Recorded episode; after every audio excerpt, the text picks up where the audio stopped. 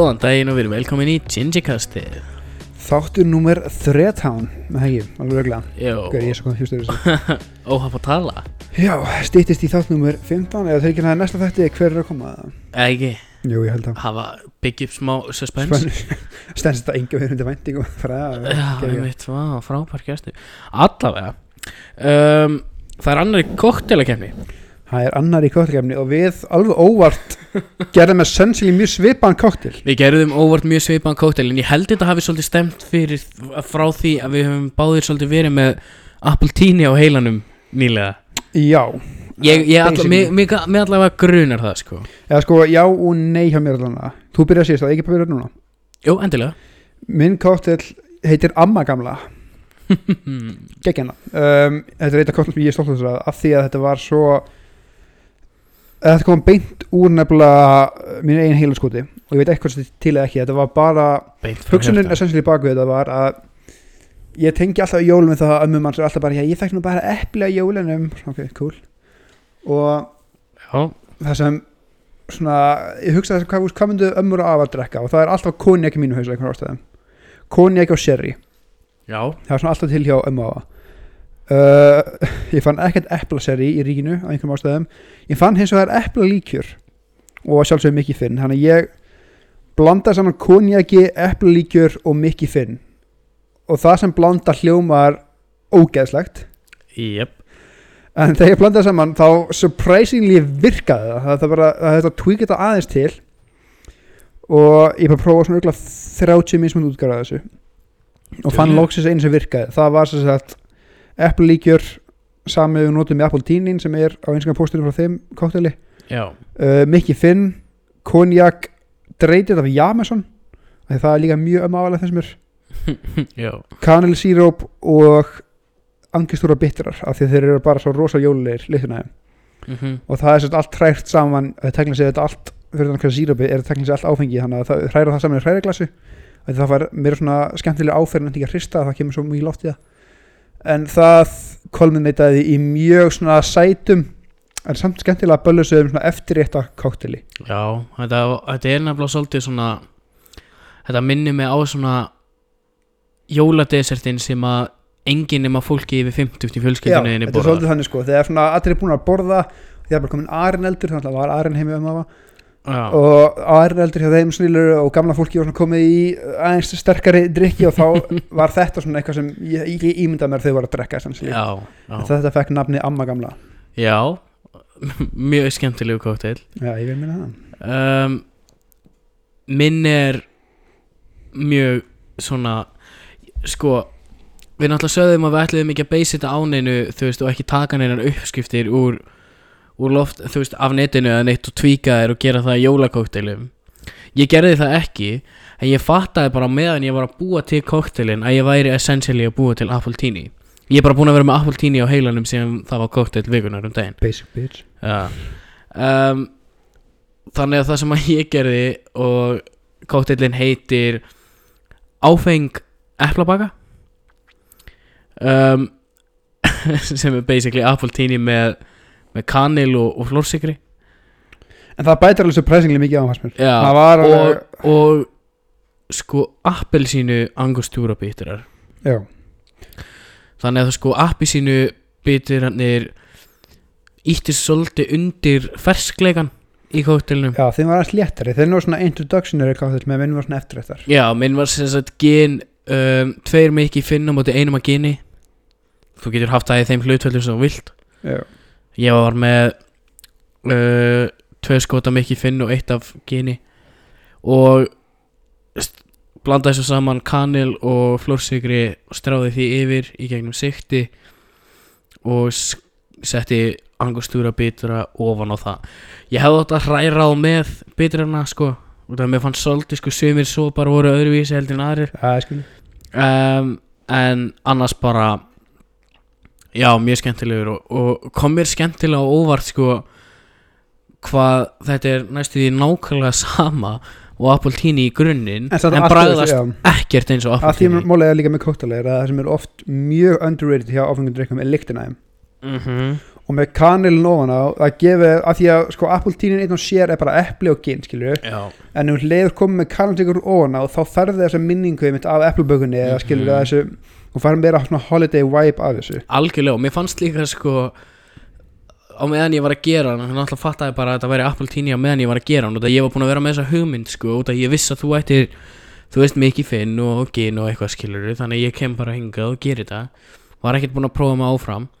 Þannig að ég fucking ég var ekkert búin að pæla í því þú veist ég er búin að vera með þessa hugmyndi í þú veist hausnum bara eiginlega síðan við gerðum Apple Tini bara svona subconsciously skilur já, og já, mér varst mjög mjög gaman allavega að þetta, að þetta virkaði betur heldur en ég kannski þorða að vona.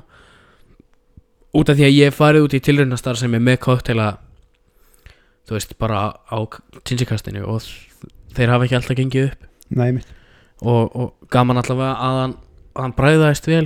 Já, þetta, þetta virkaði sko. Já, mér vannst hann hann var kannski aðeins svo feskur með að við hina jólakoktelina sem við höfum verið að gera sko. E, já, um, en þar á móti samt jólalegur sko. En talaðu það, ertu komið með drikk fyrir næsta, næsta sko ég var með hugmynd af sem sagt, drikk sem ég langaði að gera og það er eini drikkurinn sem ég hef prófað fyrirfram og ég hef ákveðið að gera það ekki. Ok, og var ekki gott.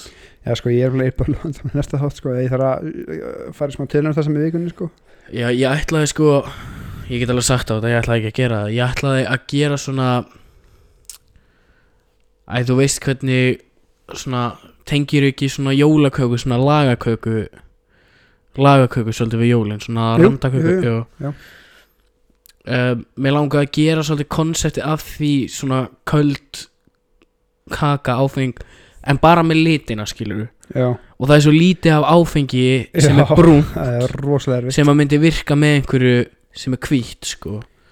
Þannig- já, að því líka þá er maður fann að pæli ég veit eftir að leira, það þarf að pæli þyktinu af Já, sko, og, og ég, ég prófaði eitt og eina sem að mér varst gott í því var viskið sem ég setti í það annars bara var þetta allt frekar meðsennað sko þannig að ég ég er svona með eina svona allt í lægi hugmynd fyrir næstu viku en einhvern veginn gruna mig að, að ég þurfi svolítið að tvíka það fram að næsta þætti sko. sko. ég er í böllu vandræmi mitt nefnilega Já.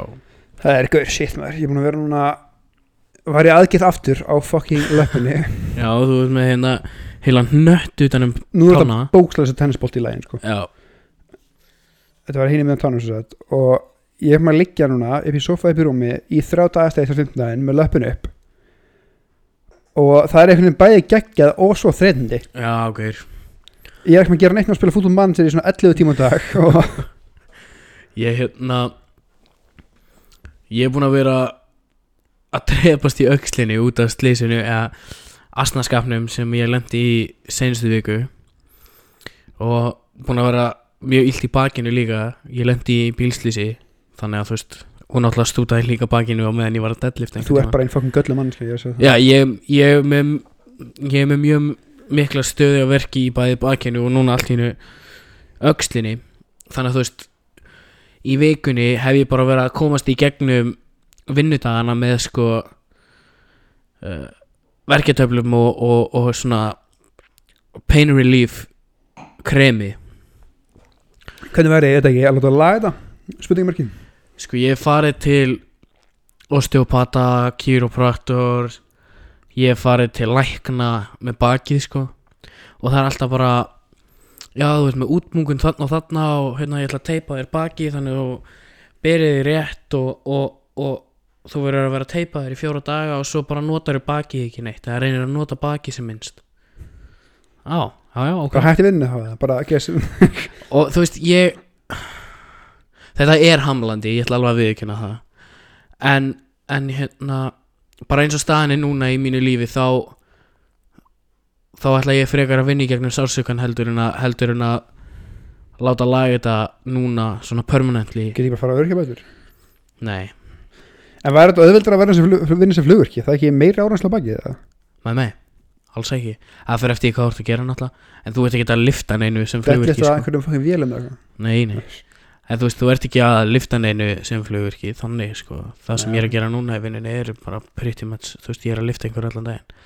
Og þú veist, ég reyna auðvitað að passa upp á baki og svona, en þú veist ég veit ekki, þú veist, svo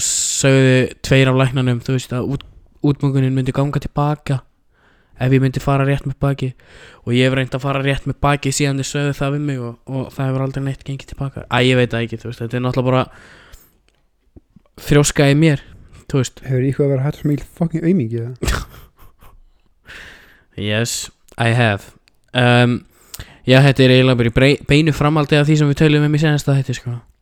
Já, fyrsta sem að Marja spurði mig að, áðan með öxlina hvort ég væri búin að fara til læknis ég veit alveg hvað ég veit alveg hvað er að öxlinu minni sko. ég ég tóknaður í öxlinni en þú veist hvað er læknirinn að fara að gera? Gefa mér hann að fara að setja öxlina mína í þú veist eitthvað svona fatla og, og segja mér að vera ekki í vinnunni í tvær vikur þú veist, glimtu því.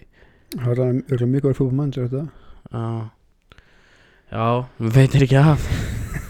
Jesus Dýr tók ég það, wow já, Dröftuðu núna en við byrjum að taka upp og að sjá steppa reyðan út á töluleik ef að finna sem ég fucking upplýði sko ég verði ekki reyður verður í úr landi sófan sko. Já, ég meina þú veist það er mjög sjaldan sem ég verður reyður en þegar ég ég var alveg að missa sko. þetta er það skemmtilegt sko. Af því að vennilega skítapa ég alltaf í þessu sko. Já. sem núna einhvern veginn valdi ég að fullkomin lið og þá það er steppa fucking missa.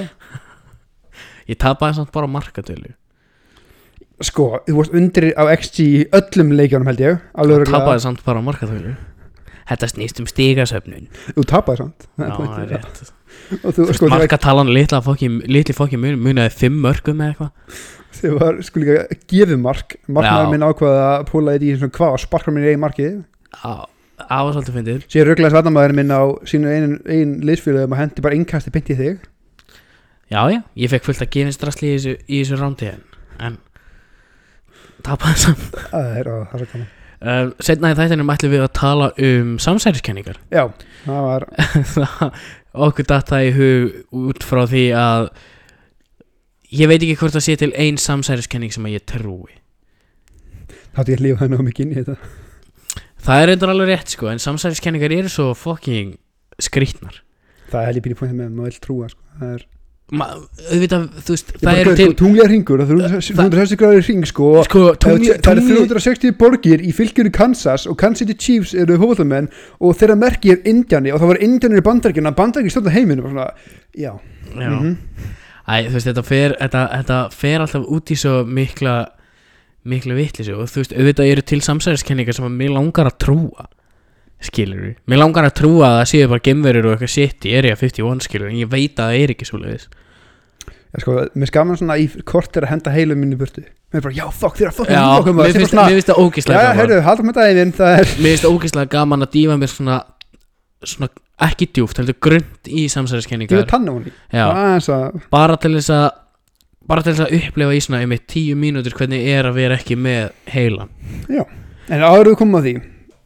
þá langar mér svona aðeins að ræða að því að COVID er búin að fokk okkur báðum svolítið fast. Já, að hvorur okkar er núna að vinna við þess að við lærðum.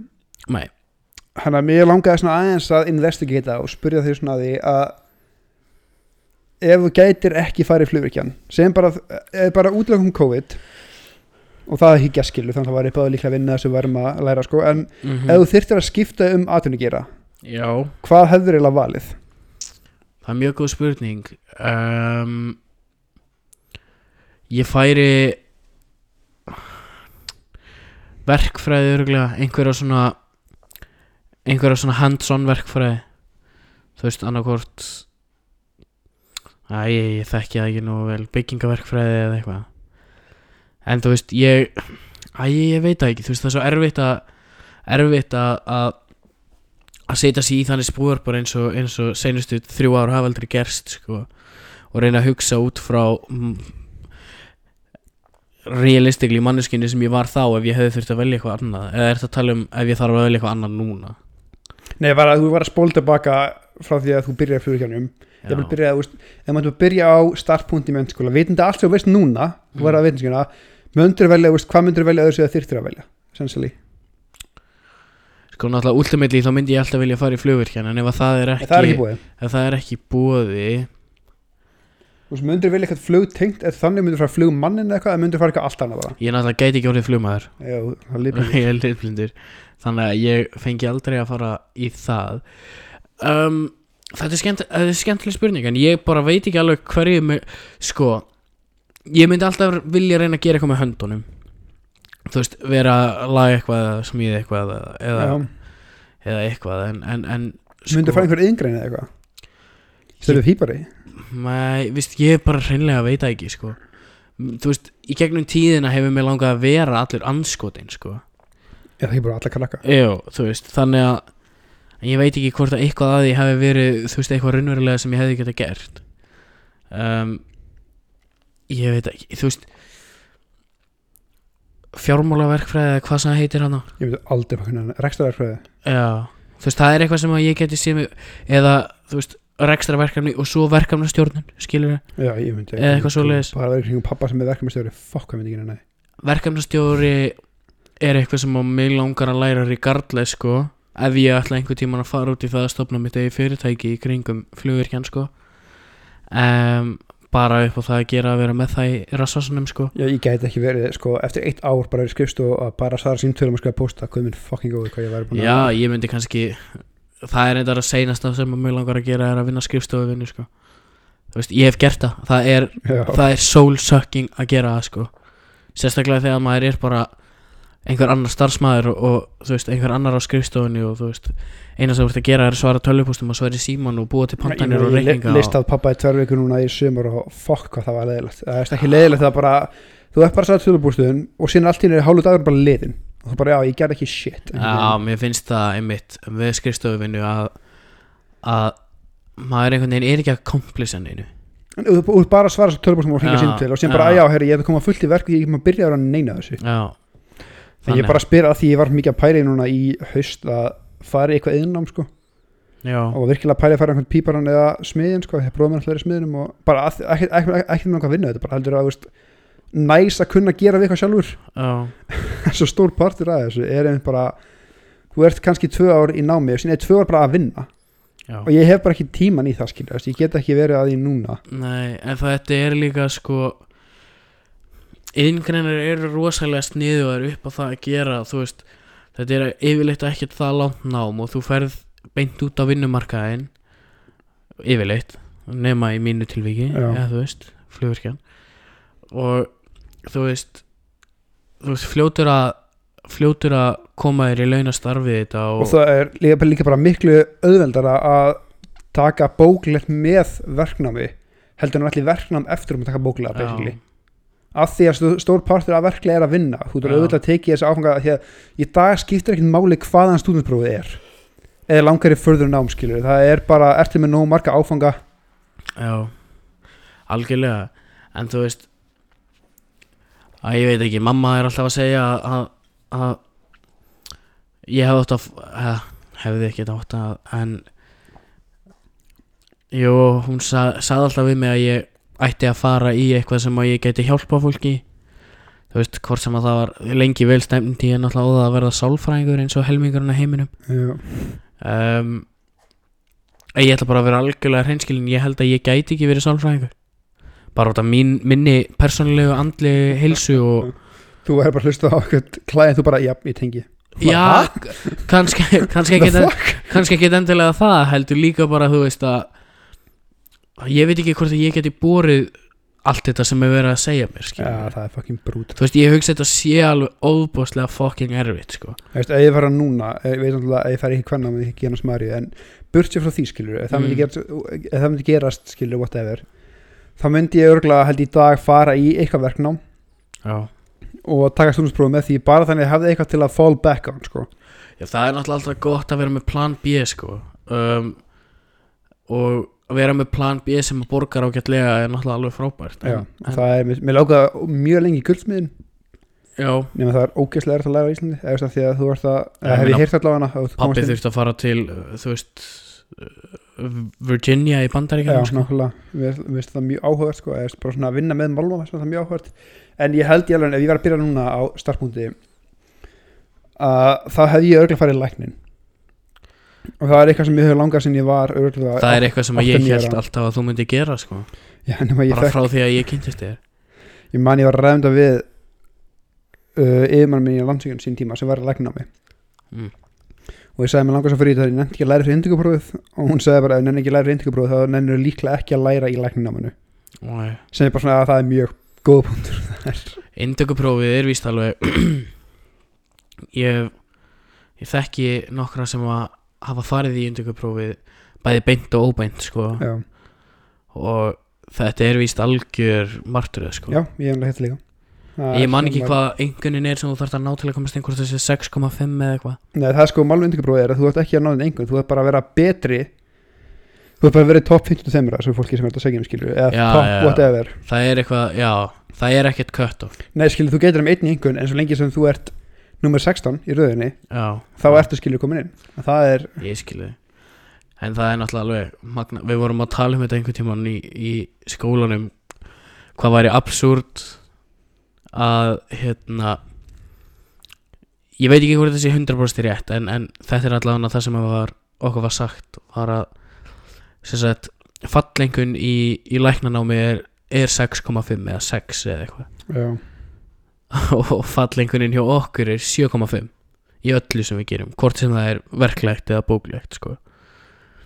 að þú veist læknar eru að díla beint við mannslíf svona eins og við sko að miklu leiti en bara þú veist að horfa á þú veist já 7,5 þú veist það situr að setti það rosalega mikið í samingi fyrir okkur bara frá day one að þetta væri ekki normal jobb sko.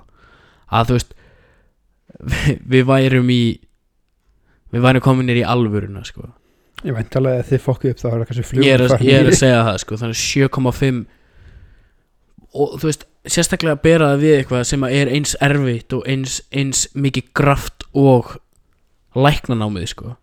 Að bara já ok þannig þú veist við þurfum að ná betri heildarengun heldur en læknanemarnir.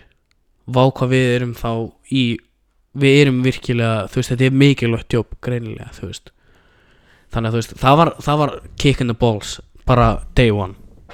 Það var eitthvað svona þú veist powerpoint síning bara kynna þetta allt fyrir okkur já þetta eru einhvern sem þið þurfum að ná og allir bara horfa okkur annan bara ha 7,5 hvert eru við mættir eiginlega? Jep, um, þegar er bókslega mannslíf hundunum þannig að ef ég svara spurningunni þinni eitthvað sem ég þarf ekki að ná 7,5 í öllu? Já, hann er bara flest annað held ég að það er. Já. Nei, ég held að ég held að ég væri rosa til í einmitt eitthvað yðnám eða eitthvað sem að eitthvað sem að ég sæi fyrir mér að ég geti orðið góður í þó að ég hafi kannski ekkert bilaðan áhuga á því heldur eitthvað sem að ég geti þó unnum mig upp í þanga til að ég hef áhuga á því út af því að það gerist mjög oft. Já, eitthvað eins og eins og verkefnastjórnin eða eitthvað. Út af því að þú veist ég ég veit það ekki. Ef ég þyrfti að að gera eitthvað þá myndi ég gera eitthvað þar sem að ég myndi sleppa við að ég myndi, ég myndi reyna eins og ég gæti að sleppa við að sitja, á skrifstofu sko.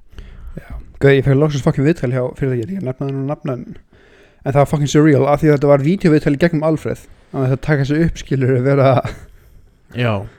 væri bara svo á vloga bara hey it's your boy uh, mm, ég er geggja starfsmæður uh, ég er ógslag góður í þessu. Já. Mjög, já. Þurfti að fara í byrju þurfti þú að taka upp það var bara, ég, senda ég þeim. fekk sp- spurningalista bara ég tók mig upp bara símum minn skilur með frontmynda það, var, það var ekkert það var ekkert þú veist þetta var ekki Skype call eða Nei. Zoom call eða þetta var bara, ég tók mig upp svona einhverjum spurningum og þetta var wow. það er alveg gaman að fá eitthvað annað en flat out nei en ég meina, þú veist já þau svöruðu þér strax eða nei, ég eftir að fá svar við þessu sko en eða veist, ég ætla bara að fekk búið viðtalið eða inn í gæsla með viðtal Mm, en mm. eftir að fá svar við sko en já en það er náttúrulega það tekur víst einhvern tíma að vinna úr umsóknum í gegnum Alfred. Það kemur ekki á það þú veist getur ímyndaði hvað er mikið að gera. Það eru regla álega á þessu öllu saman núna. Þú veist endalust að fólki að leita sér að vinna sko. Allir einhvern veginn að leita sér einhverju að gera sko. Já, þú veist, það er bara samfélagið er orðið svolítið, svolítið brengla Lögar skiptir eitt, óvindla skoðun.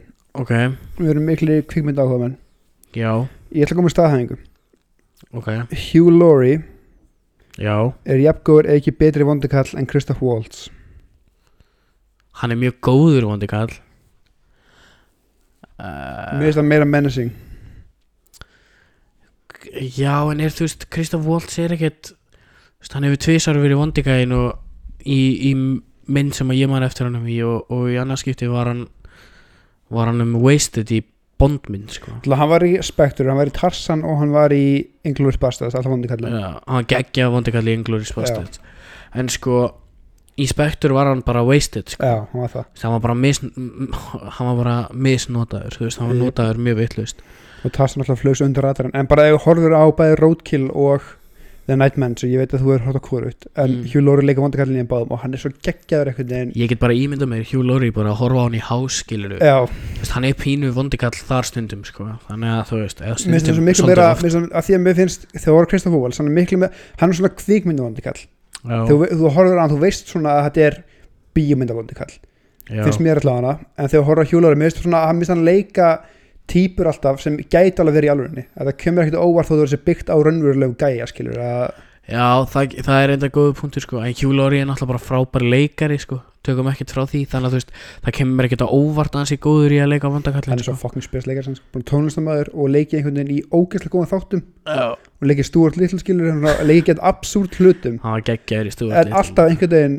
verið geggjaður í því já sko hann er líka bara hann greinilega velur sér hlutverk mjög spart sko. þú veist hann er ekki að taka bara allt sem að kemur í gegnum hurðina hjá hann ég, bara, já, ég mæli heiklust með að fólk horfa á The Night Manager þetta er BBC-serja, ein serja þetta þetta er á Prime held ég alveg öruglega en þetta er styrlað þetta, sko, hann, þetta er hann, Tom Hiddleston sem leika Loka í Já. Avengers-myndunum. Þetta er, ég hvað hann heitir sem leik, ég hún leik skal ég segja, þetta er drottningun aðna í ykkur breskri bíómynd sem var tilnæmt óskarfæluna bresk leikona, fuck ég manni hvað heitir? Judi Dench. Nei, þetta er ekki hún, maður sjá við þau. Þá googla þetta, hún er ógeðslega þetta er ógeðslega talent cast sko. leik drottningu. Drottning, englandsdrottningun, hún líka Elizabeth eða eitthvað. Ó. Elisabeth Englands drottning maður. Já, Olivia Colman. Olivia Colman, ok. Já, sko það kemur mig lítið á óvart að Hugh Laurie sem vondi kall sem kemur Tobias, nei, Tobias Menzies sem leik skal þessi er í Game of Thrones. Já, Ed, Edward Tully, Tom Holland er leikur þetta er geggjaða leikarar. Tom Holland? Nei, Tom Holland er, ekki, ekki Ah, Nei.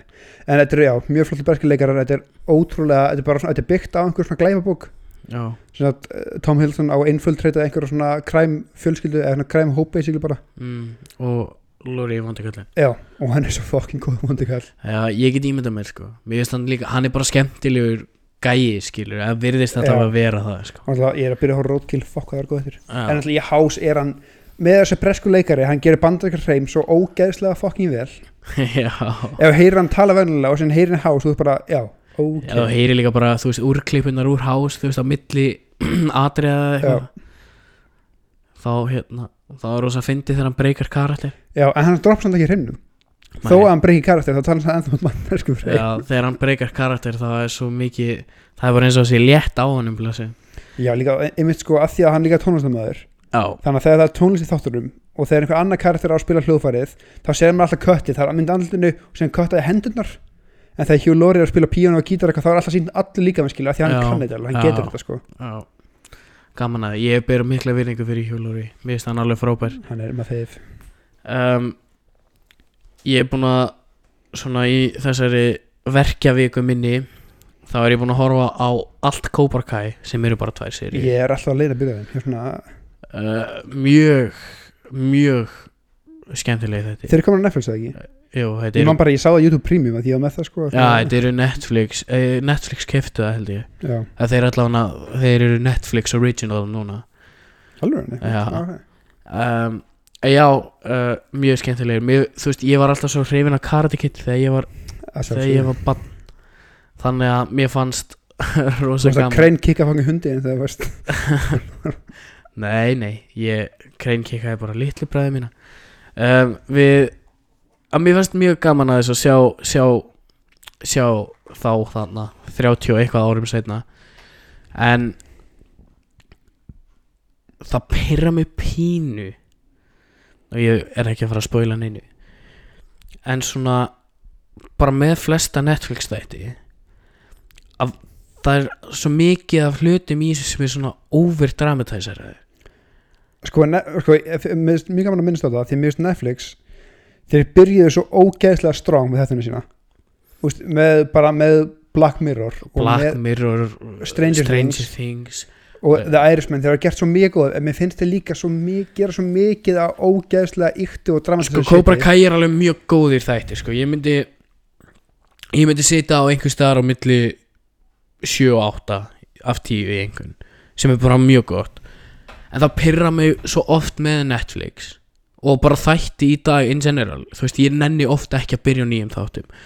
Er hvað allt er sko svo ofbúslega dramatíst og allt sem að gerist þarf að vera skilur, það Og þarf að vera því líka tónlistin undir Já. og því líkt íkt öll viðbröð og svona. Og líka það þarf alltaf að vera myndlópur einhvers konar þjóðfæðarsópur og einmitt líka einhver samkynniður sem er mjög flott en þessi hópar eru aldrei einhvern veginn eins og hóparnir eru í daglegu lífi það er alltaf að tilkynna það og taka það fram og allt identity í Já það, er, kringum það, er allt, það er allt svo svona sjáftinir face bara sjáðu hvað við erum frábæri, hvað við erum Mhm. inclusive skilur í staðin fyrir að ég veit það ekki, hafa karakterina bara eins og þeir eru og adressa það ekki og þar af leiðandi að gefa þeim miklu meira power heldur en að þú veist, basically segja já, þú fegst hlutverkið út af því að okkur vantaði minni hlutahóp.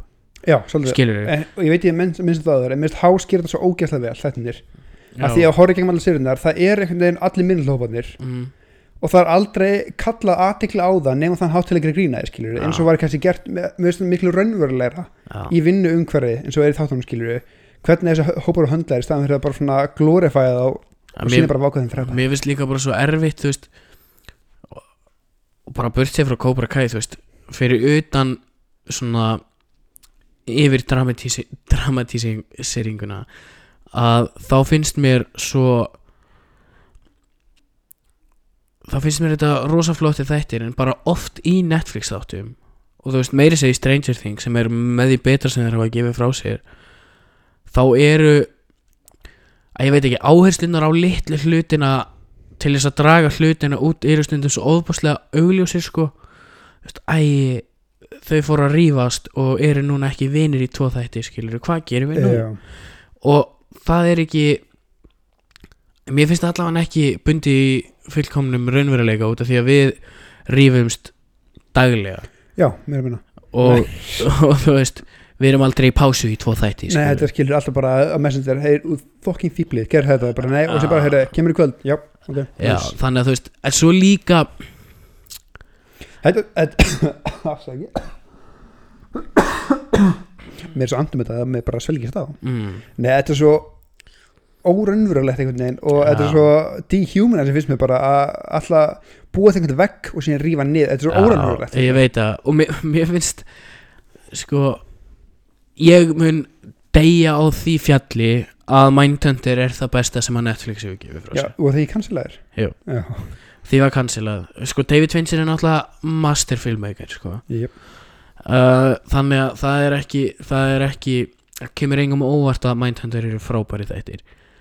Um, og þeir einmitt overdramatæsar ekki og ég veit ekki, þú, veist bara spoiler alert ég veit ekki hvort þú ert Ég er búin að að segja einu áherslu skoða með það spoiler alert. Um, ef þú hefur ekki séð Mindhunter og ætlar að horfa á það skipaði þá áfram um mínútu eða eitthvað þegar að um, Holden finnur út að kærastan hans fór í eitthvað partí og var að þú veist, kissa einhvern annan gauri eða eitthvað hann bara lappar inn, sér þetta horfir á það og fer. Skilur, bara eins og flestir myndu Já, gera. ekkert confrontation. Ekkert confrontation. Og svo er hún bara átt hún er ekki meir. Mér finnst þetta rosalega confrontation alltaf þegar fólk lappar inn eitthvað í nefnir þáttum segja mína skoðun. Í staðan bara ok, fæn, ég góður. Hann, hann lappar inn, sér þetta missir handliti í gólfið tekur það upp, fer og hún er búin skilur En það spyrir mig pínu við það, Ma- það, það, það Mindhunter. fannst mér rosalega flott. Ég veit ekki náttúrulega ég alveg hvort sé byggt á nákvæmlega svona ábyrðum þetta tiltekna dæmi en þegar hann fær panikatökin Mm. lók fyrstu og byrja setni já, mér fannst það pínu eins og þið vantaði plot device. Það var svona, mér, finnst að, mér fannst það pínu þingað og mér finnst ekki bæta inn við söguna annað en það að þið getur notað þetta sem koppa þegar þið vantaði eitthvað inn í söguna. Ég er svolítið sammála því en aftur á móti þá fannst mér samt þeir höndluðu það betur heldur en sumum finnst, finnst mér allavega. Af því að það sem þeir gera náttúrulega er að þeir byggja upp hægt og rólega í fyrstu seríu að hann er að verða stressari hann er að verða já, já. meira svona overwhelmed skilur og svo, svo fær hann svona breaking point út af því að hann er búinn að vera að dífa sér í alla þessa ógislegu karaktera þú veist þessa ógislegu gauðra læra um þá, tala við þá face to face og einn af þessum karakterum heldur hann að sé að manipulata sig. Já. En við erum manipulate, samt svona tvist að þrist sem var eitthvað svona við byggjum þetta senu við erum að byggja úrslega mikið upp við höfum enga, ekkert, með, ekkert til að fara með þetta með ok, hann var panikað það var góð skilju, cop out. Já ég er ekki alveg samanlega því. Mér fannst það sérstaklega í fyrstu seríu að ég hef séð fyrstu seríu þrísvar sko. ég hef bara séð aðra seríu einu sinni. Þannig ég man miklu betur eftir fyrstu seríu. Að þegar að hann er að fá panikadökin þá, þá var ég svona já, ok, figures. Út af því að hann var búinn að vera mjög stressaður. Um, og, og held að það væri verið að manipulata sig og var, hann var svona alltaf á verði gagvart kemper, skilur já, já. Þannig að mér fannst það, mér fannst það make a sense en ég skil hvað það meina með plot deviceið. Um, og gæti vel verið að sé bara nákvæmlega það en mér finnst, fannst þér höndla það betur heldur en heldur en sem ég segi allavega. En ef að dýfa okkur í samsæðis kenningar Já, ég byrjaði þú. Við vorum með þá reglu við völdum tvær kenningar á mann sem við viljum ræðum en við erum kannski með, ég veit alveg ég með eina sem langar svona aðeins utan tvekja aðala Já, tvekja aðal sem að ræðum sko. En já, við ætlum að tala um tvær samsæðis kenningar sem okkur sem svona, ég veit ekki með því Stefán en ég er með tvær sem ég virkilega trúi. Ó, og ég veit við höfum reynda að tala um bandaríkja sem minnst en báða mín tengast bandaríkjunum að því að það er ekkert að gerast Íslandi sem við erum að tala um. En ég trúi þessum tveimur staðfast. En ég ætla að lega þér að byrja. Hvað er nummer eitt hjá þér? uh, Chemtrails. Oh fucking good að sjálfsögðu Ég ákvað Flugvirkin að tala um Já, chemtrails. Bara ég- ég, ég, var að installa fucking dæminu flugvilan sem er að drífa sig. Ég ákvað að taka chemtrails fyrir og, það, og ég er með statistík enda fyrir því. Þannig að hendur tölfræði smettunum 17% af fólki í heiminum trúir á chemtrails. Ok, nú ætla ég að fá að stela einu brandara frá mínum góðmjöfsendara sem heitir Joe Rogan. Sem sagði að þið geta bara mælt þetta á þeim sem eru nú heimski til að svara kannunum Það er eitthvað alveg rétt. En, en samkvæmt könnunum bla bla bla Basically það sem að chemtrails er Er að í gegnum Exhaustið eða þú veist Já Exhaustið á flugvélum er verið að dreifið einhverju shit eit, Eitra fyrir fólki eða, eða, eða, eða þú veist Láta fólk Inntaka efni sem, a, sem að breytir hugsunahættinum þeirra. Eða það sem ég elska við einmitt svona sérstaklega fólk sem trúur á chemtrails og flat earth þegar þau byrja að tala þá opnast augun aðeins meira svona kemur Mhm. glampi og þú bara svona já, þú, þú trúir sig, þú trúir sig bara svona ok, herri, ég ætla henni ekki að heldur svona vera meira að drekka af því að Já. Sem sagt um, Og ég ætla að Sko þetta ásins að Mér finnst þetta svo ógeðslega að fyndi Á að vera sem sagt um, Efnafræðilegt eða líffræðileg sem sagt efni Sem er verið að dreifa Í gegnum flugvila Exhaust um, Til þess að breytast hugsunum hjá fólki Og jafnvel gera fólk veikt Til þess að styðja við Big Pharma. Einmitt, ertu nokkuð með flúor í vatninu eða? Ég, já, já, líka, þú veist, það er flúor í vatninu Nei, ertu með það sko? Nei. bara með þess að finnst sannskjöringa það sé verið að bæta flúor í vatnið bæða vegi efnin sem er tankremninu mm til þess að fólk verði viðkamara í hausnum fyrir svona legum. Sko Það sem að mér finnst svo störlað við þetta að fólk trúi þessari chemtrails samsæriskenningu er það að það er bókstaflega daglega verið að testa loftslæðið daglega. Já, og hver einn og einasti er með í þessu. Já. það er allir sem að taka síni og eru að reikna út hlínun jarðar og allt þetta drasl bara mengun og allt hver einn og einasti vísindamæður sem er að því tekur virkan þátt í því að dreifa chemtrails. Já, enginn hugsa bara, já, kannski eftir einhverju vita þessu eða blása whistlið og með mig. hvert einasta land sem er rannsökuð það er öll að sama bátnum. Já, að burtse frá allri pólitík millir Rússlands og Kína og Bandaríkjana og Brixlandan og öllu því skilur þau eru öll bara, nei, við þurfum að ljúga áfram með þetta. Já, einmitt. Mér finnst þetta oft með samsæriskenningar heila bara næstu því alltaf að ef þú, hugsar lógíst þá meikar meikar hlutinir engan sens. Og þar kemur inn á ég að gera næstu mína eða vilt þú fara í þín tók mitt í einu. Eitt í einu. Einmitt, eða hvað, vilt þú henda þenni fyrst? Nei. Ekkert frekar sko. Alright, ég ætla að koma aðeins Nei, ég segi byrjum með þínu. Klárum ok, ok. Uh, mín setni er svo að Stanley Kubrick falsaði tunglendinguna fyrir, Fyrir- Moon Landing. fyrir bandaríkjaman um, Nei, ég Þa- ætla að segja það, nei. þetta er mjög, mjög, mjög mjög vinsæl Já, samsæriskenning ég ætla bara að fá að segja það. Ég er óviss um tunglendinguna En ég veit að Stanley Stanley Kubrick Kubrick leikstýrir hafði ekkert með hana að gera.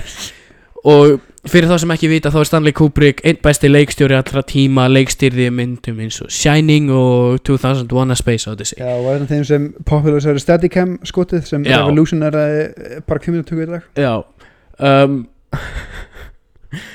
Hann sem sagt á að hafa feikað tunglendinguna. Í stúdíói í New Mexico. Já Og það sem að fólk notar sér sem sagt notar sem sannfæringu fyrir það er að á einni myndinni af þeim félögunum á tunglinu að mynd sem er tekin þá er ameríski fánin sem var settur á yfirbúr tunglsins að sjálfsögðu á hreyfingu. Það er mjög öðvelt að debugga það.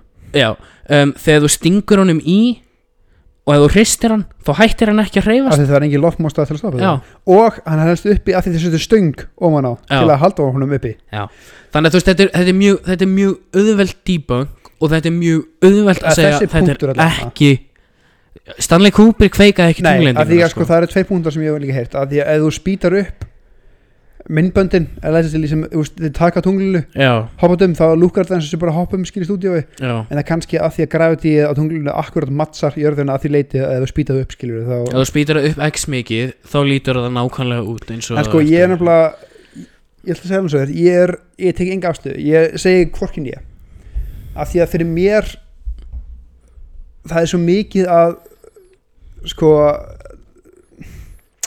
ég veit það ekki mikið af svona drasli sem passar ekki einhvern veginn. Af því ég hef, hef lesið mjög mikið um þetta og þeir segja einmitt að það, það sést ekki stjörnunar nei það er að því að tunglið endur spekla ljósið. Mhm, heita þetta, en eitt sem er mjög öflutt er eða horfður á skuggana þeirra. Já. Þeir eru ógeðslega langir. Mhm, og það er eh, búið að sína það fram á það að það var ekki sens að feika þessa skugga í stúdíói af því þú þurftir svo öflugan laser svo öflugt ljó sem var ekki til á þeim tíma. Mhm. Þannig að það var ekki annað bóði en það var sólin en þú veist en aftur á móti ég, ég, sko, ég er ekkert ég efast aldrei um það að þeir fóru út í game. En það er svo mikið af svona contriving evidence að í fyrsta lagi það til myndband aðeim þar sem við taka mynd af jörðinni nema að það fer eitthvað fyrir myndavælina sem basically sýnir þeir tóku í gegnum glugga af jörðinni í stað fyrir að taka actually jörðin en það lúka eins og var jörðin Já, Í öðru lagi þá skutur nokkur flögum í gegnum vann allenbeltið sem er geislega belti kring jörðina fullkomlega án þess að enginn fekk neins konar krabba meina því. Þriðja var að það er ótrúlega mikið misræmi sögum gimfarana. Sumi sögðu var algjör þögn þegar voru, aðri sögðu að þau voru að missa skiljur bara hernina að því að vera gegnum þetta. Og fjórða er að mjög mikið af tunglförunum en ekki að slappa hafa neitað að setja hendina á biblíu og segja þeir hafa gengið tunglinu skiljur þannig að þetta er svona ég, þetta, ég þó það- er ekki að segja annarkvort ég get alveg trúa því þú ég, vil- ég vil trúa því að maðurinn hafi komist á tunglið en mér finnst allt þetta í kringum tunglendinguna hjá bandaríkjamönnum og þegar þeir voru í keppni við Sovjetríkin þú veist ég skil alveg af hverju þeir myndu feika það. Já, ég ætla að segja það, ég Skilurðu? trú ef þið myndi koma að segja morgun að þeir að feika þetta ég myndi alveg trúa því, það kemur Já, ekki út, óvart. af, út af því að þeir voru í svo bilaðir keppni já, skilur og það var búið að fara fleiri triljónir bandaríkjadala í þessa keppni við Já. Sovjetiríkin Og að það segja er einmitt- bara, að búa bara til þvílíku söguna og bara, heyrðu, við fokkin gerðum þetta ok, en það, það kom eftir mótið með bara, já, en voru, það voru 200 mann sem vinnu þetta, voru allir að ljúa nei, nei, nei, nei Nei, ég segi þessi 12 manns sem voru yfir þessu voru líka allir hinn heldur bara að vera tunglilu já, af því að hvernig áttu að vita? Að vélina voru jafn, eða töluna voru jafn upplöður á TI úst, 24 reiknum vel eða eitthvað. Og líka það er mitt þeir fóru hérna 60 1969 fóru á tunglið. Með þeim tölum búin að segja til þá. Mm gæjar eins og Jeff Bezos og fucking Elon Musk er hún í vandræðum að koma skilur er ennþá að gera tilröðum með eldflur að koma sér í game skilur með við allar teknina í dag. Já, en þeir veit að eru, þeir eru að gera þeir eru að gera mjög öðruvísi ég veit sko. það. En bara, þú veist, jú, jú, ég hef séð Hidden Figures. Ég veit að þessar hugur eitthvað svolítið konur reiknuðu leiðina til tungsins mm en réttlæti vinnur ekki hraðar en nútíma tölva sko, sorry. Að það er, Það sem að er samt svo ofbúslega magnað við þetta allt og það er náttúrulega eins og segir 200.000 mann sem að unni við þetta og, og ég veit ekki hvort að ég sé heimskur eða hvað en ég, ég held að séu 330.000 kilometrar cirka í tunglið ég maður ekki náttúrulega hvað það er en það er allavega mjög langt um,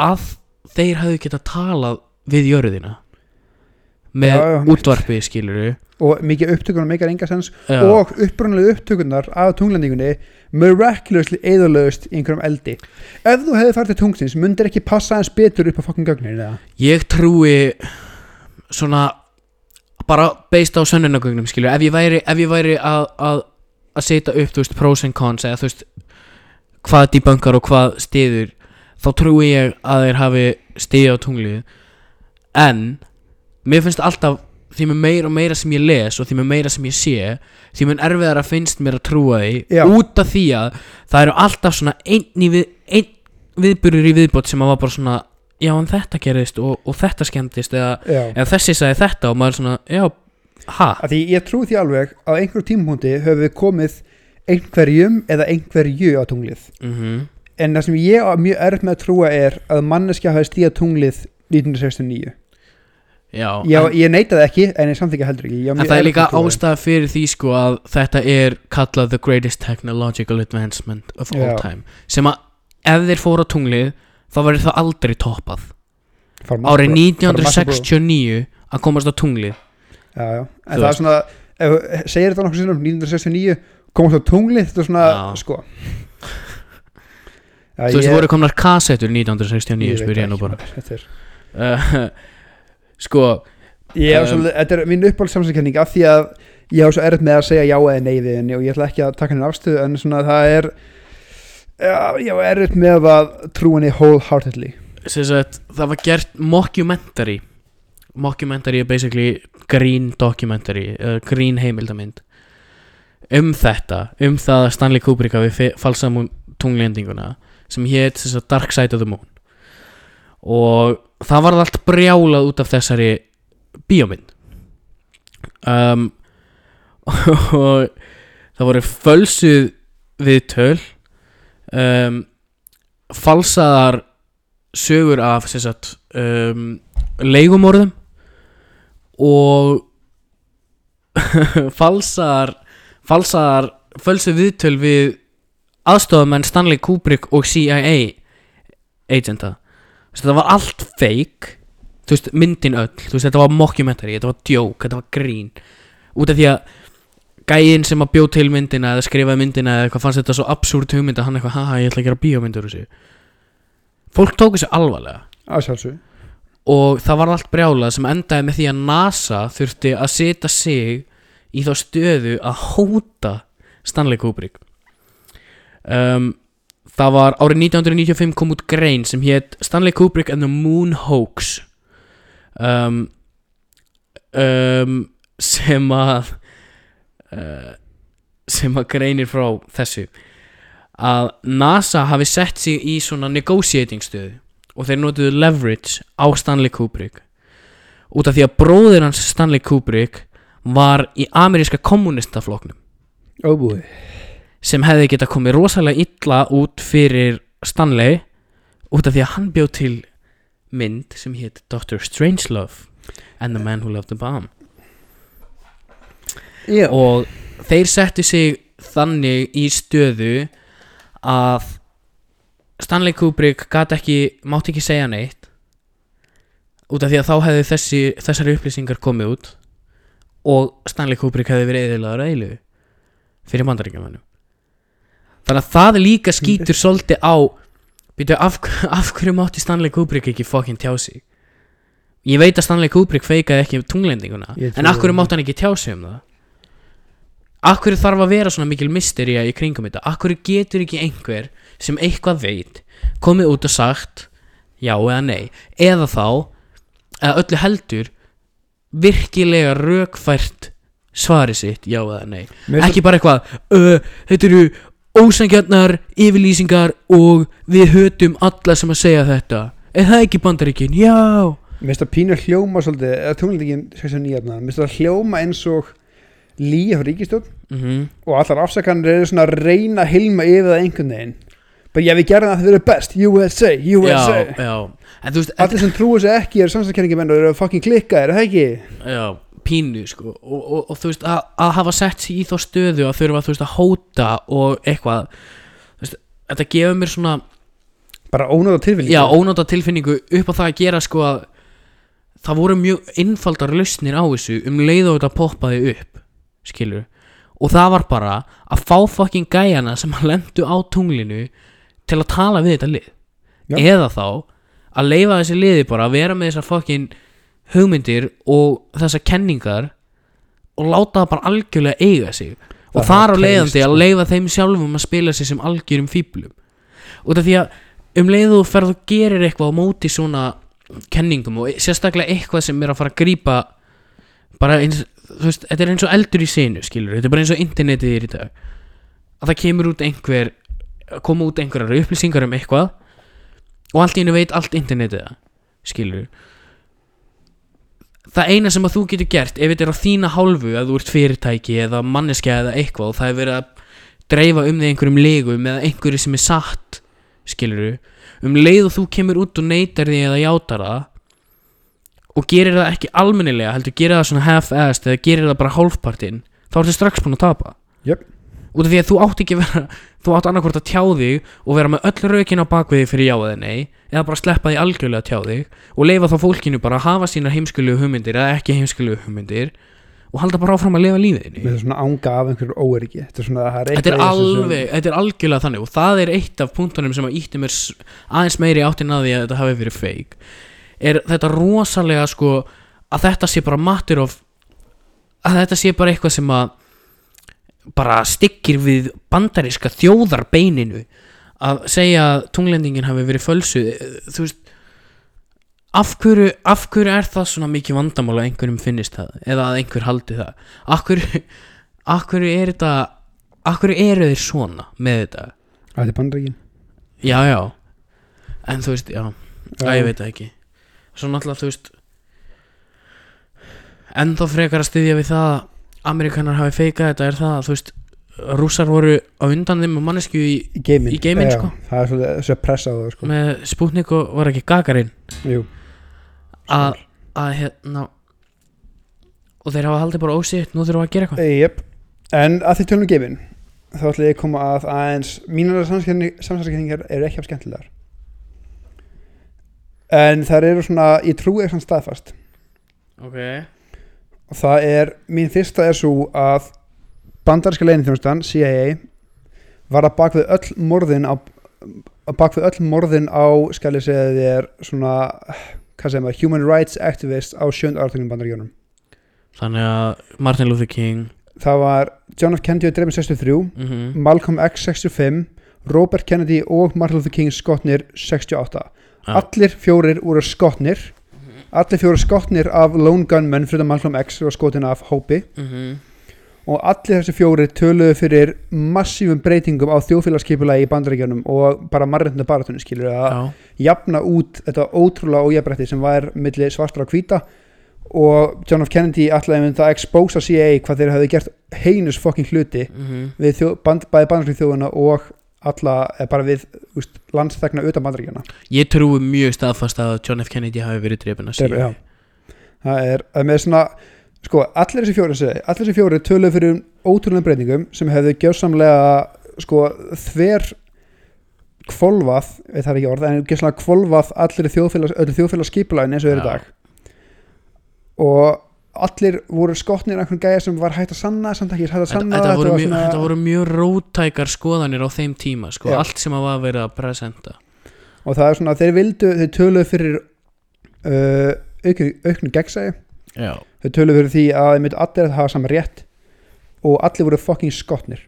Já, sko um, ég trúi því að John F. Kennedy hafi verið skotin af CIA Jöp. um, bróðunars líka, að mínum að alveg öruglega en mér finnst með Malcolm X og, og Martin Luther ég sé af hverju þeir passa inn í þetta en það sem að mér finnst kannski raunverulegri útskýring og er official útskýringin er að allavega með Malcolm X að þetta voru einhverjir bara hvítir gæjar sem Nei, voru voru, það var sko með Martin Luther, þá var að skotna kvítika en Já, það. Malcolm X var skotin af skellisir af því að hann var mikið inn í Nation of Islam í bandaríkjörnum Já, og ég, skotin af einhverju af því að lendi ykkur bífi við þá Já, já.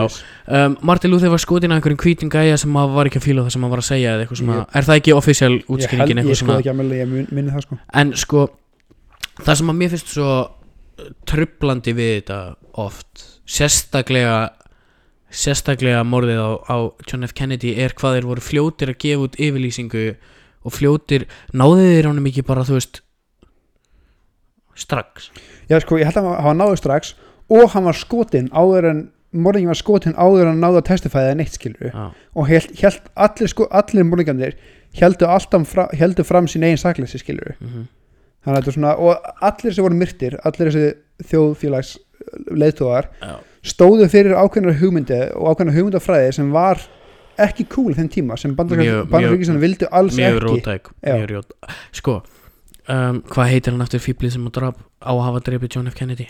Lee Harvey Oswald. Lee Harvey Oswald. Ég gleymi alltaf nafnin hans sem er gott ef hann draf hann. Á ekki að muna nafnin á morðingjum um, allavega sko það sem er svo ótrúlegt við þetta er að Lee Harvey Oswald hefði bara geta verið gæi sem var á vitlisum stað og vitlisum tíma. Skilur Já, og staðan sem hann átti að vera skotið hann af var ekki séns að drepa hann og það var þú hundra vitnið eða eitthvað sem testifæði að það verið skotið annar stað frá einhvern hóli mm -hmm. en það var gerðslega vannvirt þetta var svona það, sem að, það sem ég er að segja er að hann hefur kannski bara verið að koma út úr þessari byggingu og einhverjir kæjar hafa bara nappað hann já, skilur rep, hann skautan hann. Skaut hann. Þessi hann að koma út úr byggingunni hann skaut hann.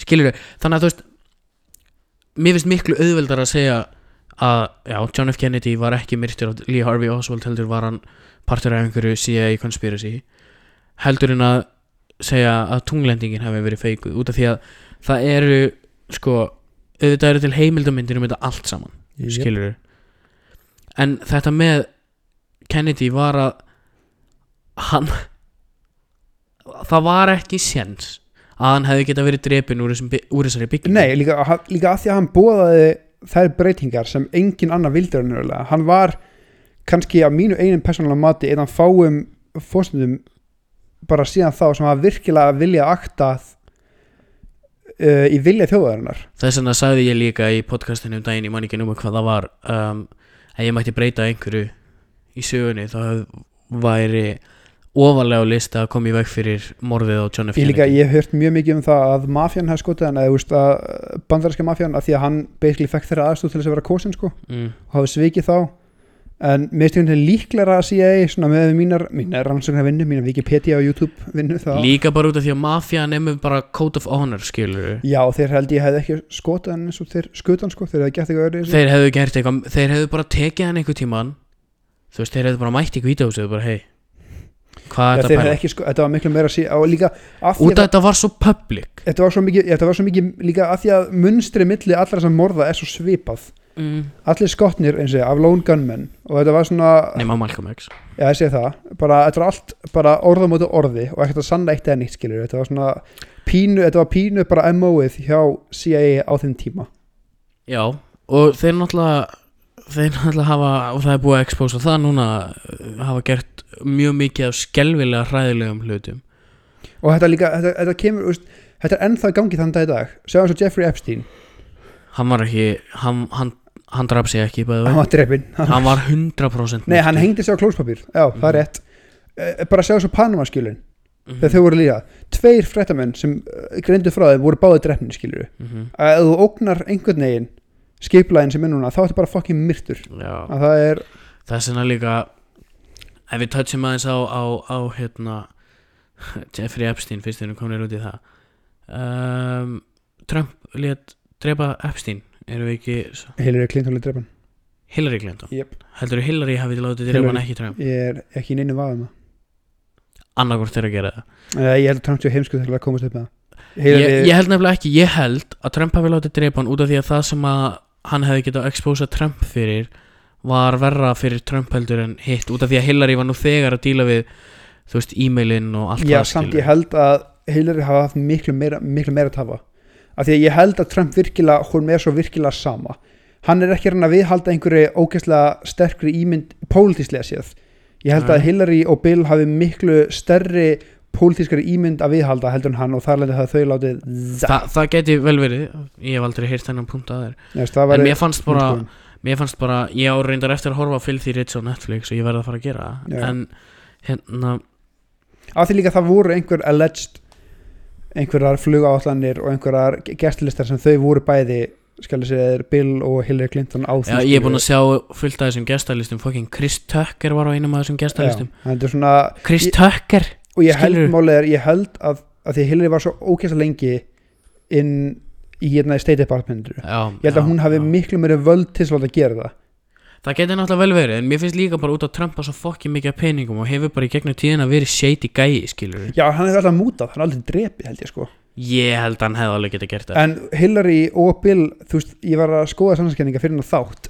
Það er til heimildamind um þeirra dossier eða eitthvað svona til kæftæði skilur af Já, þessum þau já, hafa að let's já. það hafa látið drepa skilur að veist það miklu meira svona líkara kannski, ef maður segja þeim. Já, geti verið, geti verið. Ég, ég hef alltaf út af að ég hef aldrei verið á þeirri skoðun að Epstein hafi drefið sig. Nei. út af því að sérstaklega líka út af að hann var svo kokki sjálfur sko. Hann var alveg vissum hann myndi hann komast upp með hann þetta var tilbúin að taka allan niður með sér sko. Hann var vissum hann myndi komast upp með þetta og ef hann myndi ekki komast upp með þetta þá myndi allir fara niður með honum. Og einmitt myndavælunar bíluðu, öryggisvörun hætti Heldur þú kannski að prins Andrew hefði geta drefið hann? svona- hver er fokka með það?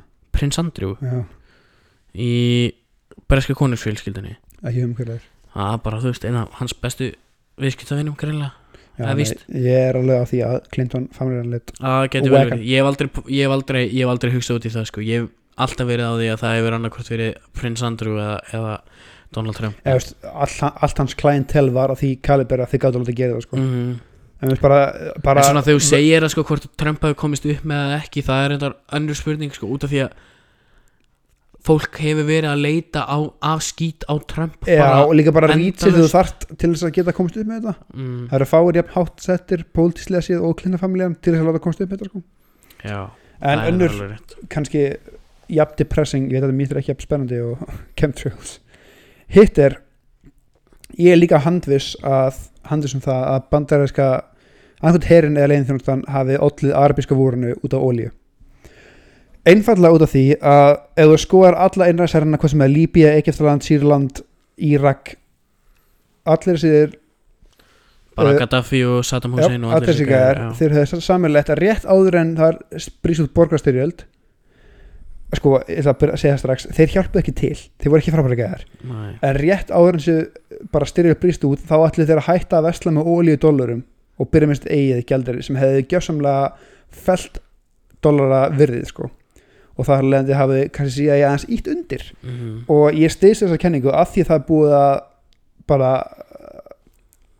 skal ég segja ykkur það er bara búið að það er búið að basically sína fram á það. Það er búið að upplýsa það að CIA gerði þetta stöðut í bæði mið og söður Ameríku á 15, 17, 17 og 18 áratögnum að taka niður innræðsherra og ákveðna valda, valdhafa sem voru ekki að spila ból með þeim skilur þannig að þetta er algjörða þeirra MO að búa til borgarstríð, dreipa höfðingjan og setja einhvern veginn völd sem er hlýðhóllu þeim. Já.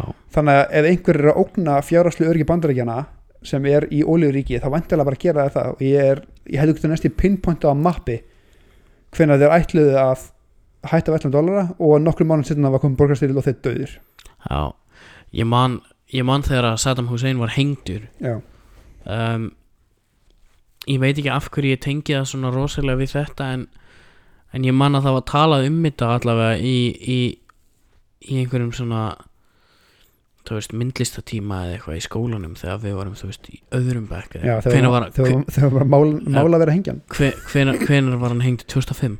2006 held ég. 2006, já það, það, það passar. Man ekki hvort það hafi verið en ég man eftir að hafa séð þetta í fréttunum. Það var myndband að vera hengjan bókslega já, það var myndband á hann og ég, þau, þau, þetta fer aldrei úr hausnum á mér ekki út af að mér fannst þetta svo hræðilegt heldur bara út af öllu umtalinu í kringum þetta.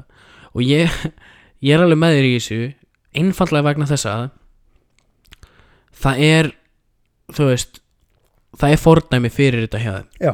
Þetta er algjörlega eitthvað sem þeim myndi gera. Og ég meina þú serð þeir reyndu þetta í kúpu ó já, og það, það misefnaðist eins oft og þeir reyndu Jöp, ég skrifaði lokaríkina mína í hvernig hérna. Já, og hérna ég meina þú sér hvað þeim tókst að gera til dæmis eins og með, með hérna Pablo Escobar já, Að- bara í og þeir búa bara til sko þeir búa til og senda herflokka til land sem að þeir hafa ekkert með að gera til, að- til að þjálfa aðru til Já. þess að destabilize hana Já, og hann alltaf kom upp borgarastyrjöld í, í Bótoka í, í Kólumbíu.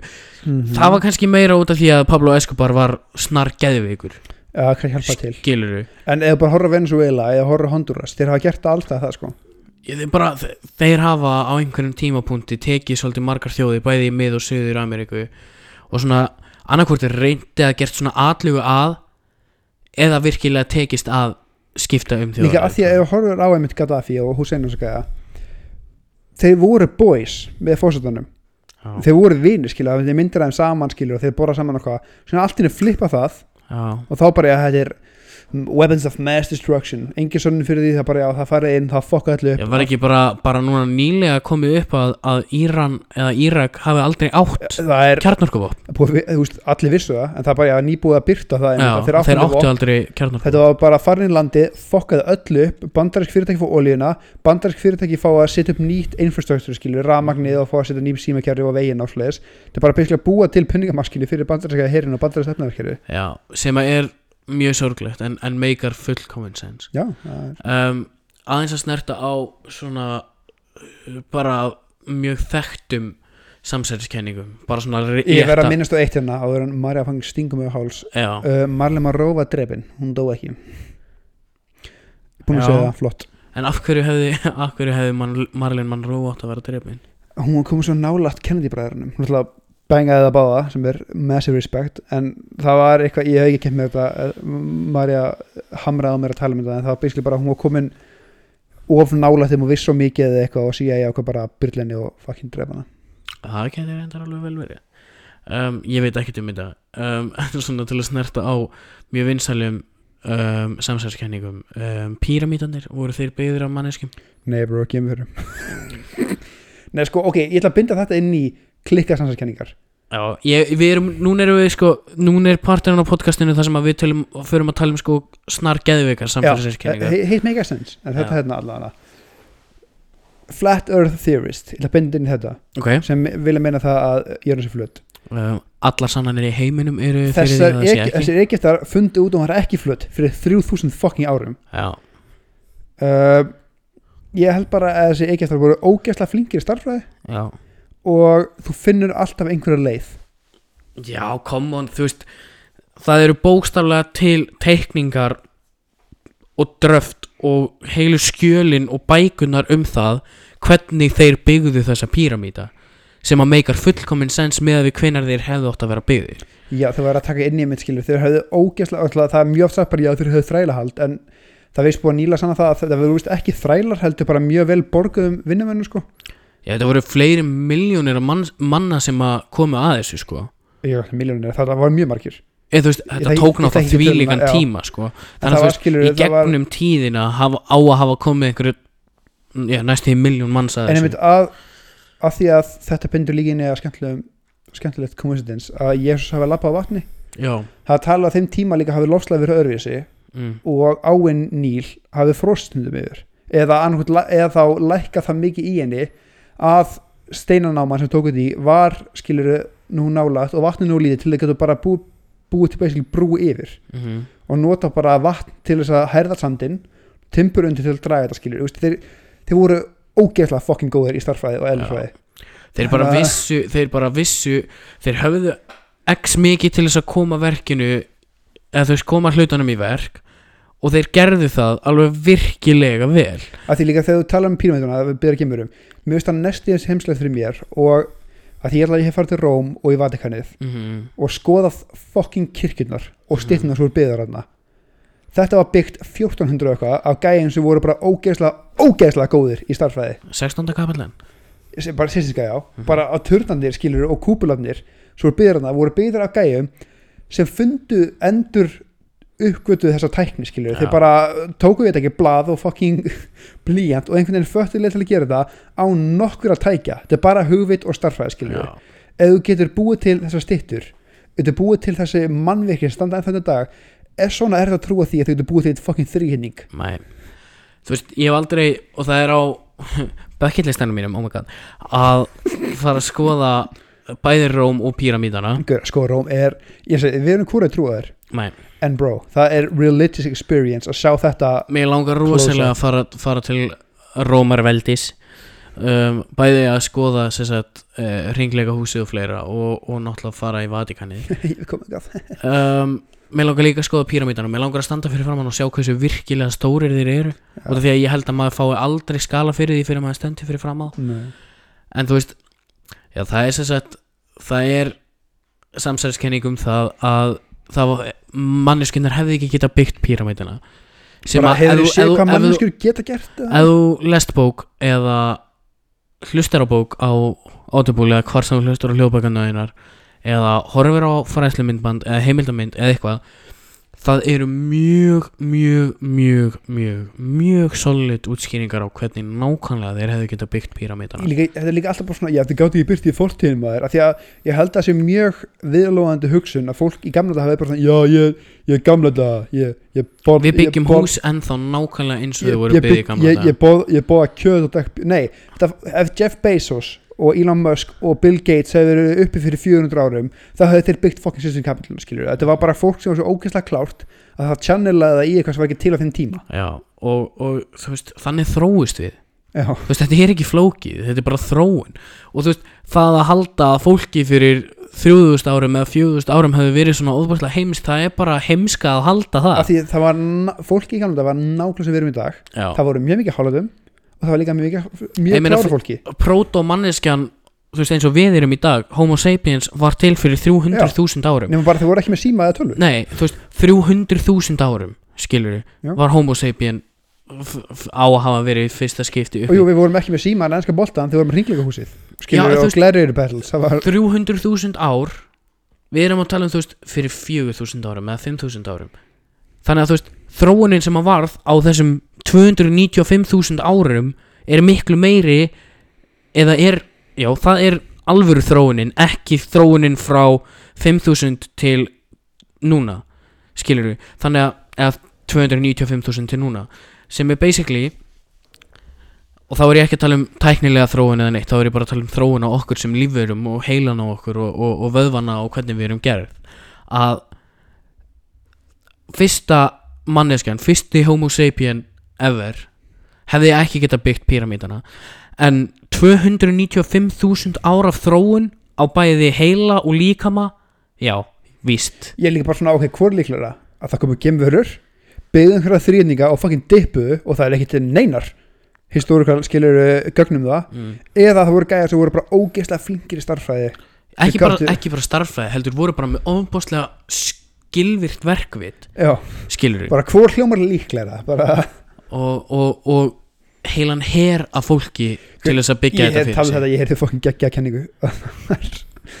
Að Egyptanir byggu til gerðegreind AI svo fucking þróað að þeir þræluðu, band, þeir þræluðu öllum mannverunum í að byggja píramíta fyrir sig. Síðan kom huge solar flare drap AI-ið og það er svona til, til, tilbað Egyptanir sóluna að þeir losuðu það undan þrældómi. Það er besta kenningi sem þeir þinga til þetta er samsæriskenning. Já. um, nei þú veist það var til önnur frumgerð af, af uh, það sem við myndum kalla mannveru sem var upp í 2 miljónir ára skilur sem er Neanderthal þó. Já, þannig að þú veist 300.000, 2 miljónir og þau dóu út sko. Við átum þau. Já, þannig að þú veist við vorum fljót að þróast og fljót að þróast það, það vel að við gátum, já, byggt píramidana ég er alveg á því. Önnur svona skemmtileg en styrluð staðreind staðreind, ekki staðreind Samsverðarkenning samsæðiskenning staðreind er uh, Area 51 og geimverur og allt sem að tengist geimverum bara Sko ég er ekki alveg að fyrst vagninum af því að ég er ekki, ég tek að netta því að þau, þau vita einhvern geimverum en ég held þau myndi ekki geima á svæði sem væri svona widely þekkt, ég held þessi bara testing facilities fyrir Iron Man level shit af tækjum og tó- tólum. Já, já, ég, ég, ég held að Area 51 sé algjört mið sko. Ég held að ef að ef að mm, þú veist, public myndi einhvern tíma vera hleyft inn í hvað væri gert þar að, að, að var eitthvað hátalarar já, þú veist, að fólk væri bara ógislega underwhelmed. Já. en, en hérna allt sem að tengist geimverum finnst mér rosalega gaman að- lesa um og pæli út af því að ég vil ekki trúa því að á í allri veröldinni og ef þú horfið á Kurk sem sagt vídeo þá ég, sjáu þið hversu stór veröldin er bara í samhengi ég skilurðu. ennþá að minnast það Þe- þegar um það þarna að að ef það væri geimverur Mhm, þá annarkvort skilur, ef það kemur geimverur eða eru það þróaðar það mhm. getur komast til okkar þá annarkvort vilja þær ekkert hafa með okkur eða það þróað að það fucking maffi okkur no problem. Já, en það, ég heyrði um samskringu þetta að við veitum öll af svona tribes í annað Amazon Indlandi. Já, þar sem það flogi yfir og þau vita ekkert afskilur nútum samfélagi já, og þau eru látinni friði þau viljum ekki skemma þau, við viljum Já. viðhalda. Hvaða jörðin er bara eins. Að það, við erum viljan til löð, lá, bara látinni friði, friði, já það geti náttúrulega vel verið. En það sem að mér finnst eh, bara til að vitna- til að vitna aftur í kurksi sagt þá uh, þá setja það rosalega vel í samingi fyrir því áður en það er fara með þig í sko mindfuck það er experience. það er þá setja þér þig í samhengi um hversu lítil við erum í samhengi við alheimin er þetta ekki minnbættu um eitthvað The Great Step eða eitthvað? Til dæmis, það er mjög depressing vídeo og ég ætla aldrei að horfa það aftur. Ég ætla bara ef fáið að recapa það það annarkvort að því að hann sagði basically það að þú staðir en við hefum ekki hitt inn að gemurur væri annarkvort það að skilur hann talaði um að vera eitt stórt skref fyrir öll samfélag. Mm að ástæðan því að enginn hefur talað okkur er að annarkvort hefur enginn komst yfir þetta skref og Mhm. dáið út og við verum eina þeim og erum leiðin degja út eða þá við erum fyrst yfir þetta skref. Sem er mjög depressing. Og maður er bara svona ok fuck hann er allt sem ég gera tinguslöft cool hörru, að í Já. vinnuna. Þannig að þú veist, þetta er og ég mæli með að þið bindsið kurk sem sagt einhver tíman um, eða verið að brútalið þunglind. Já, en basically hann er er fullt af kenningum og svona. En það sem að mér fannst svo magnað eitt vídeo hjá honum eða þeim var að þetta er heimurinn er það stór veist, heimurinn er það alheimurinn er það stór að þú veist við náum ekki að graspa það, við getum ekki komprehenda hvað það er nope. mikið til í heiminum. Það hverjar eru líkurnar á að við séum einu lífverðunar eina þróaða samfélagi þær eru ekki miklar. En hvað ef að við erum bara ofbóðslega fucking happy? Og hvort ekki að þessu finnst mér líka að vera mjög depressing. Vistu bara bæðið ógsla eh, sko það við sem ekki inn í heiminum mm -hmm. er depressing að þið erum mjög líklega aldrei hitta hinn hópin já, en með þess það við sem ein meira depressing. Já, Mér finnst það því að fangin sorglega. Ef, ef þú pælir í því ef við erum í alvörinni það heppin að þetta sé bara eini staðurinn í öllum alheiminum sem að það gæti verið þróað líf á það er það er skelvilegt Jöp. Þú veist. Gauð, mér langar að gráta þegar svo. Skilst mér Ah. eitthvað annað. þetta er fokki en ekki fokka tilhust að kreppi núna sko. Fyrir mér skemmtilega ok, Hitler er á lífi. Sko, ég reyndar ég reyndar hef dýft mér svolítið í samsæðiskenningar varðandi þetta. Hitler dó árið 1945 en já, en það var ofbúslega mikið af hans nánasta entourage og hans hæst settu generalum eins og Jósef uh, Goebbels og, og Mengele, hérna boy. Jósef, já, Mengele fyrir ekki Jósef Goebbels. Jósef Mengele og Hanna Goebbels og þeir.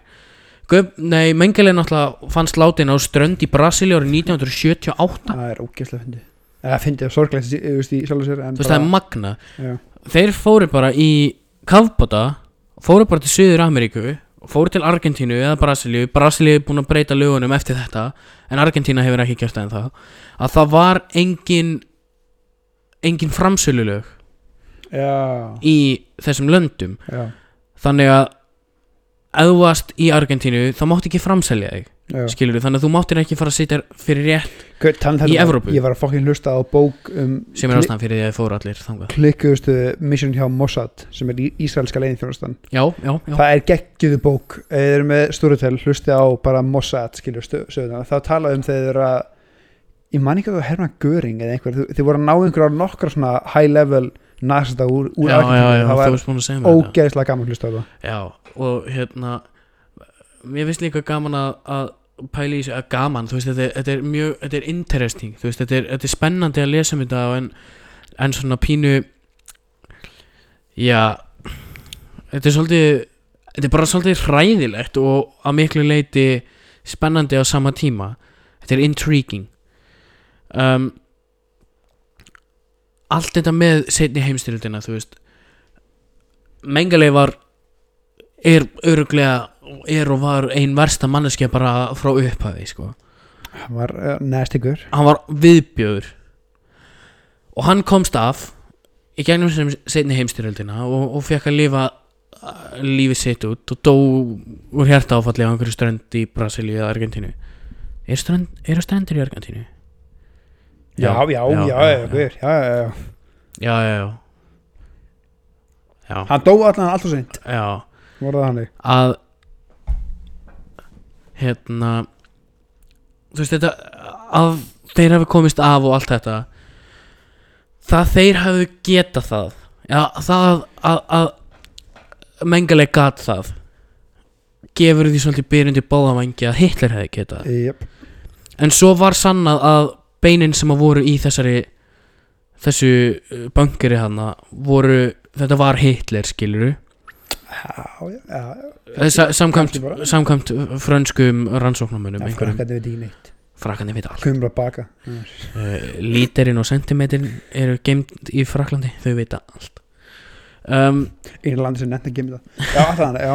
um, það gefið því svolítið byrjundi báðavangi sem sagt að, að Hitler hafi geta gert þetta líka.